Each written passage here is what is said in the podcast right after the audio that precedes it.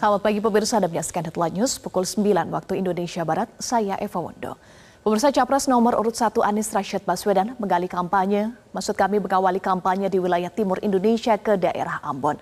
Ada sejumlah kegiatan yang akan dihadiri, salah satunya adalah Desak Anies yang berlangsung di Pantai Baby. Untuk informasi terkini kita bergabung dengan rekan Andromeda Arizal dari Pantai Baby, Maluku Tengah. Andro, bagaimana kegiatan kampanye Anies di Ambon dan daerah lainnya di timur Indonesia di acara Desak Anies untuk kesekian kalinya? Apa yang membedakan dengan kota lainnya? Ya Eva dan juga pemirsa, kali ini saya berada di Ambon, tempatnya di Pantai Baby. Kalau kami melihat memang acara Desak Anies ini merupakan acara yang ke-14 kalinya yang diselenggarakan oleh Anies selama masa kampanye ini. Kalau kami melihat memang acara Desak Anies ini cukup berbeda bila dibandingkan dengan beberapa kota lainnya. Misalnya saja kalau di kota Jakarta kemarin di salah satu hotel, kemudian juga di kafe. Dan menariknya untuk di wilayah sini adalah di pantai. Tadi ada beberapa topik yang dibahas oleh Anies terkait dengan permasalahan uh, kemiskinan, kemudian juga bansos dan juga permasalahan-permasalahan lainnya yang dirasakan oleh nelayan dan juga para petani yang ada di sini. Dan uh, acara desak Anies ini sudah selesai diselenggarakan dan nanti kami akan uh, bertanya secara langsung kepada calon presiden nomor urut 1 Pak Anies Baswedan bagaimana pengalamannya untuk mengikuti acara desak Anies di Ambon ini. Apa yang membedakan antara Ambon dan juga beberapa kota kota lainnya. Dan menariknya untuk di Ambon ini memang diselenggarakan di uh, Pantai Baby karena memang untuk fokus dari acara ini yaitu diselenggarakan untuk nelayan dan juga beberapa uh, yang warga yang lainnya. Dan saat ini uh, Eva juga pemirsa, kami akan tanyakan langsung kepada calon presiden nomor satu Pak Anies Baswedan bagaimana pengalamannya tadi didesak oleh warga Ambon. Selamat pagi Pak Anies. Pagi. Pagi Pak Anies tadi boleh diceritakan sedikit bagaimana pengalaman didesak oleh warga Ambon. Uh, seru sekali. Jadi ketemu dengan masyarakat Maluku dan yang luar biasa karena bukan hanya datang dari Ambon, ada dari Seram bagian barat, ada dari Banda, ada dari tempat-tempat yang jauh-jauh. Jadi saya ingin sampaikan rasa terima kasih, salut karena mereka atas inisiatif sendiri swakarsa, swadana untuk datang ikut dalam desak Anies. Lalu yang disampaikan uh, bergizi semua pertanyaannya. Bicara tentang bagaimana Maluku sebagai kawasan kepulauan supaya kebijakan di sini jangan seperti selama ini yang seakan-akan ini adalah wilayah kontinental daratan, padahal ini adalah kawasan kepulauan.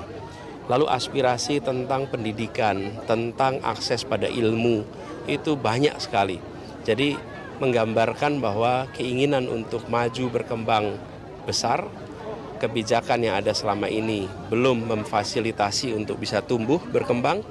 Jadi kami menangkap dari desak Anies aspirasi-aspirasi yang konkret keinginan-keinginan konkret yang insya Allah nanti kita bisa wujudkan sama-sama. Tapi yang menariknya Pak Anies tadi sampaikan juga adalah Ambon kota musik dunia ini. Nanti untuk Pak Anies sendiri ke depannya akan ya, jadi kami berencana membangun Ambon Concert, uh, Concert Hall, tempat di mana Ambon sebagai kota musik dunia nantinya akan ada tempat pertunjukan kelas dunia.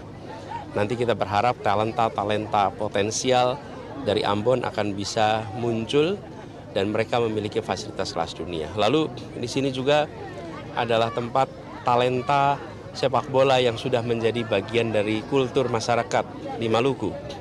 Nah, kita rencana membangun lapangan-lapangan sepak bola dengan rumput berstandar FIFA di wilayah-wilayah di Maluku khususnya mulai dari Ambon dan itu akan gratis untuk anak-anak kita dari kelas sosial ekonomi mana saja bisa bermain di lapangan berstandar FIFA.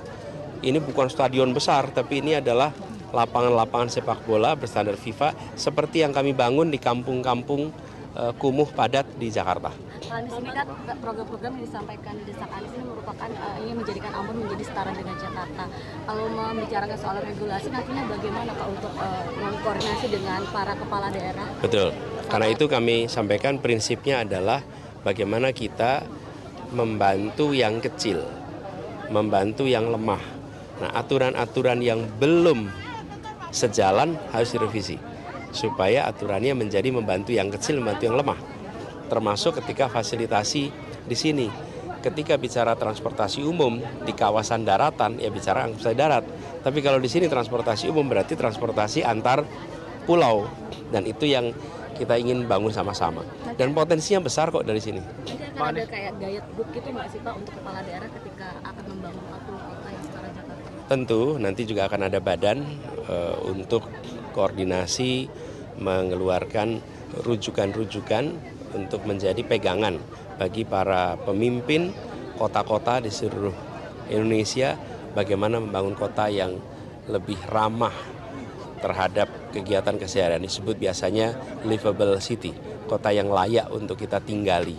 Nah, pedoman itu nanti akan disiapkan supaya pembangunan kota-kota kita bisa pembangunan yang sesuai dengan kebutuhan masa depan.